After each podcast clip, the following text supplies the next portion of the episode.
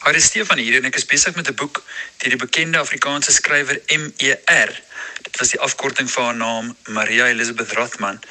Nou, ehm um, die autobiografie se naam is My beskeie deel en hy's geskryf in 1950 toe sy 75 jaar oud was en is eers uitgegee in die jaar 1975. So sy is oorlede in die jaar 1975 toe sy 100 was. So dit is so interessant om na so 'n autobiografie te kyk en te kyk na herinneringe aan tye wat vervloë is, vervloë tye van toe mense groot geword het en herinneringe het van die jaar 1980. Ekskuus tog 1880 toe hulle 5 jaar oud was.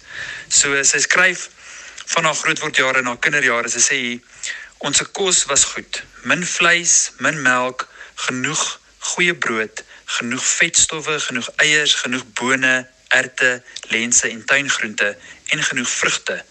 Rys en suiker en koffie was goedkoop. Tee is uit die berg gehaal. Sy is gebore en getoe in Swellendam in die Kaap en is ook daar oorlede. So al die herinneringe is maar uit die ou Kaap kolonie en ehm um, so wat wat sy hiervan skryf is uit die Swellendam Swellendam omgewing. Ek ehm um, sy praat praat ook oor vye. Sy sê wat vye betref was ons ryk. Ek kan nie dink aan 'n werf wat toe sonder 'n vye boom was nie. Die stokke is ingeplant langs 'n heining of sloot en dan so gelaat om te groei en elke jaar voor en navraag te lewer. By die arme mense meestal die ou bruin vy, half wild van geaardheid en hier en daar die wit vy. Smyrna en Adam vye het dieper grond nodig en het op die erwe naby ons dorpsrivier baie hoog geword dan was daar ook 'n besonder soet swart fytjie gewild onder die kinders. Sy sê ook ek kan geen ander soort omheining onthou nie as net kweperheinings. Aan 'n kweper het niemand gedink as 'n vrug nie. Hy was 'n kweper. Die moeders het soms kweper sambal daarvan gemaak en elke jaar is kweper konfyt gekook en ook deur die deskundiges kweper se lei. Maar die groot gros van die jaar se drag het in kinderma verdwyn aan weerskante van die erf waarop my eerste skool gestaan het, het hoe het hoë koperlanings geloop. Goed vir koperlatte het die ouers gesê, maar die leerlinge was meestal kleintjies en ek onthou geen drastiese optrede daar nie. Sy gesels oor kopers en hoe hulle dit geëet het en sy sê vrugtetyd het in Januarie begin met appelkose, daarna het dit aangehou een ding na die ander tot in Maart met die laaste bruin en adamsvye of adamvye, die laat kristaldruiwe en hanepoot waarvan toegebinde trosse tot Mei maand nog aan die dorpspreele gehang het.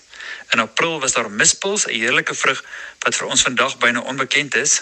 vandag was 1950 en in Mei het die kojawels begin. Altyd ook was daar op die solderweggebere kalbaspere, wintersafraanpere, appels en kwepers. Die kwepers aan hulle takkies in die riet van die dak ingesteek. Die eintlike skaarsheid was na die liekwoorde verby was in Oktober, November, Desember. Maar dan was daar darm die gedroogde vrugte. Sy sê wel nie vervat en eet nie, maar tog om die moeders iets ter hand te gee. Want ingemaakte vrugte was toe toe ek klein was onbekend. Ons het eers daar teen 1885, as ek reg onthou, die inmaakkuns hier te lande geleer. Nou bietjie oor haar familie. Sy sê my moeder was 42 Sy was toe al 'n weduwee met ek moet ek noem. Sy het sewe kinders gehad wat sy alleen moes grootmaak en um, hulle het maar swaar gekry. Sy sê haar oudste en haar staatmakerkind was Gert. Hy is in die hy is die vorige jaar aan maagkoors dood toe hy 21 jaar oud was. Ek wil net sê sy skryf hier van die jaar 1880 toe sy die skryfster 5 jaar oud was. So toe was haar moeder 42 en haar broer Gert is die vorige jaar op 21 dood aan maagkoors. Fritz 19 was weg met 'n togryer onderland toe. Hy het in die vorige jare ook iets as winkelklerk verdien en kon 'n paar pond in die maand bybring. Hendrik 18 was bode in die poskantoor en kon ook help. Letty 15 en Annie 12 was in die skool. Die oudste suster, Markie, is 'n paar jaar tevore dood ook aan maagkoors. Op ons dorp met sy oop drinkwaterslote langs die stowwerige straat was daar dikwels sterfgevalle aan maagkoors. Ag en vertel sy nog van die geld wat hulle maar verdien het en ook interessant haar oumas en oupas. Die ouers van vader en moederskant op Swellendam en op Woester woonagtig was mense van goeie stand en vermoë. Beide was van Duitse herkoms. Sy gebruik die woorde gut bürgerlich. Oupa Rotman het 'n groot waalmakery op Swellendam.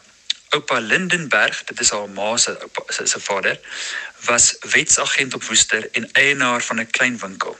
Aan vaderskant was die familie reeds landburgers in die 4de geslag, troue kerkmanne met belangstelling vir volksake. Aan moederskant het die wortels nie so diep ingegroei nie, maar uh, moontlik omdat die familie Luthers was. Op Woester waar daar geen Lutherse gemeente was nie, het hulle by die NG Kerk aangesluit. My moeder se oudste broer Jan het dit daar buitelik nie gedoen nie, of hy het in later leeftyd weer by die Lutherane aangesluit. Hiervan is ek nie seker nie, sê sy. Maar my neef se niggies sy kinders was lede van die Lutherse kerk in Kaapstad.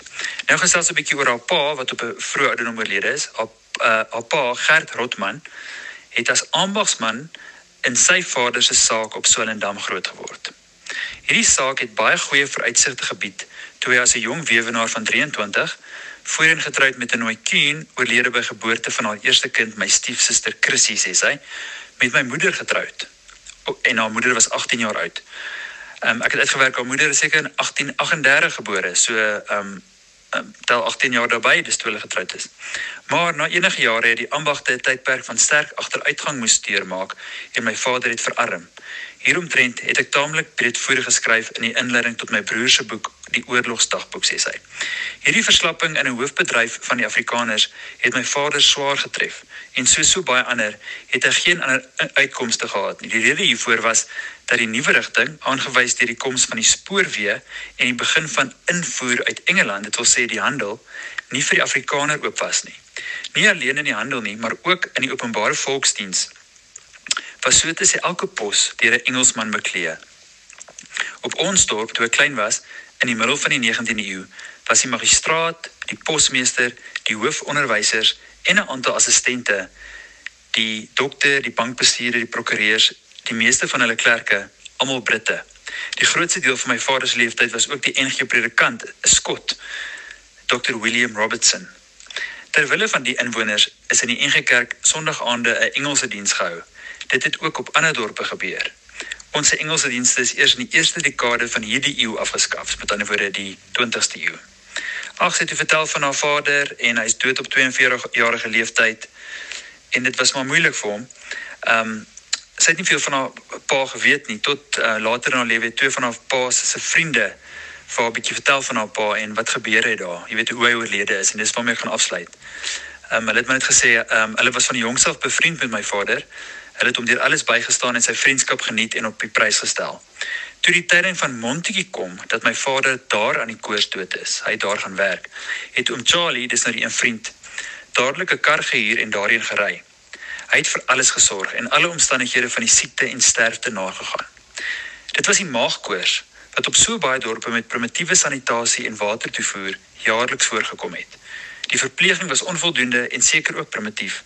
My vader het eilend opgestaan en na buite uitgedwaal. Hy het die veld in, het op die berghelling deur water gegaan en is later doodgevind aan die ooste kant van die stroom, klaar klaar blyklik aan blootstelling. My moeder het met my op die arm gestaan toe oom Charlie na die begrafnis alles aan haar kom vertel.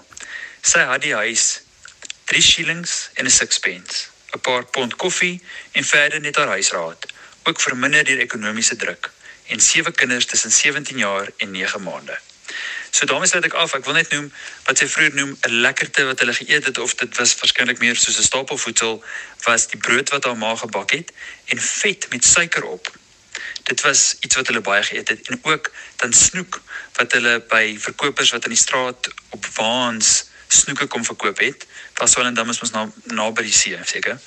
Ehm um, het hulle dan die snoeke so gekoop en aan die kake, die snoek se kake dit so gedra huis toe. En dan het hulle met ander woorde graag vet op die brood gesit. Ek weet nie of dit suiker met snoek boop was nie, maar daar was definitief brood, daar was definitief vet, suiker en snoek in hierdie maaltye wat hulle geëet het. Dit is dan uh, uit die boek my beskeie deel 'n uh, autobiografiese vertelling deur MER. Ek het dit uitgeneem by die Alberton Biblioteek hierdie week en dis in 1972 vir die eerste keer uitgegee, maar soos ek noem, sy het hierdie uh notas gemaak in haar 75ste jaar wat die jaar 1950 was. Heel interessant. Lekker aand.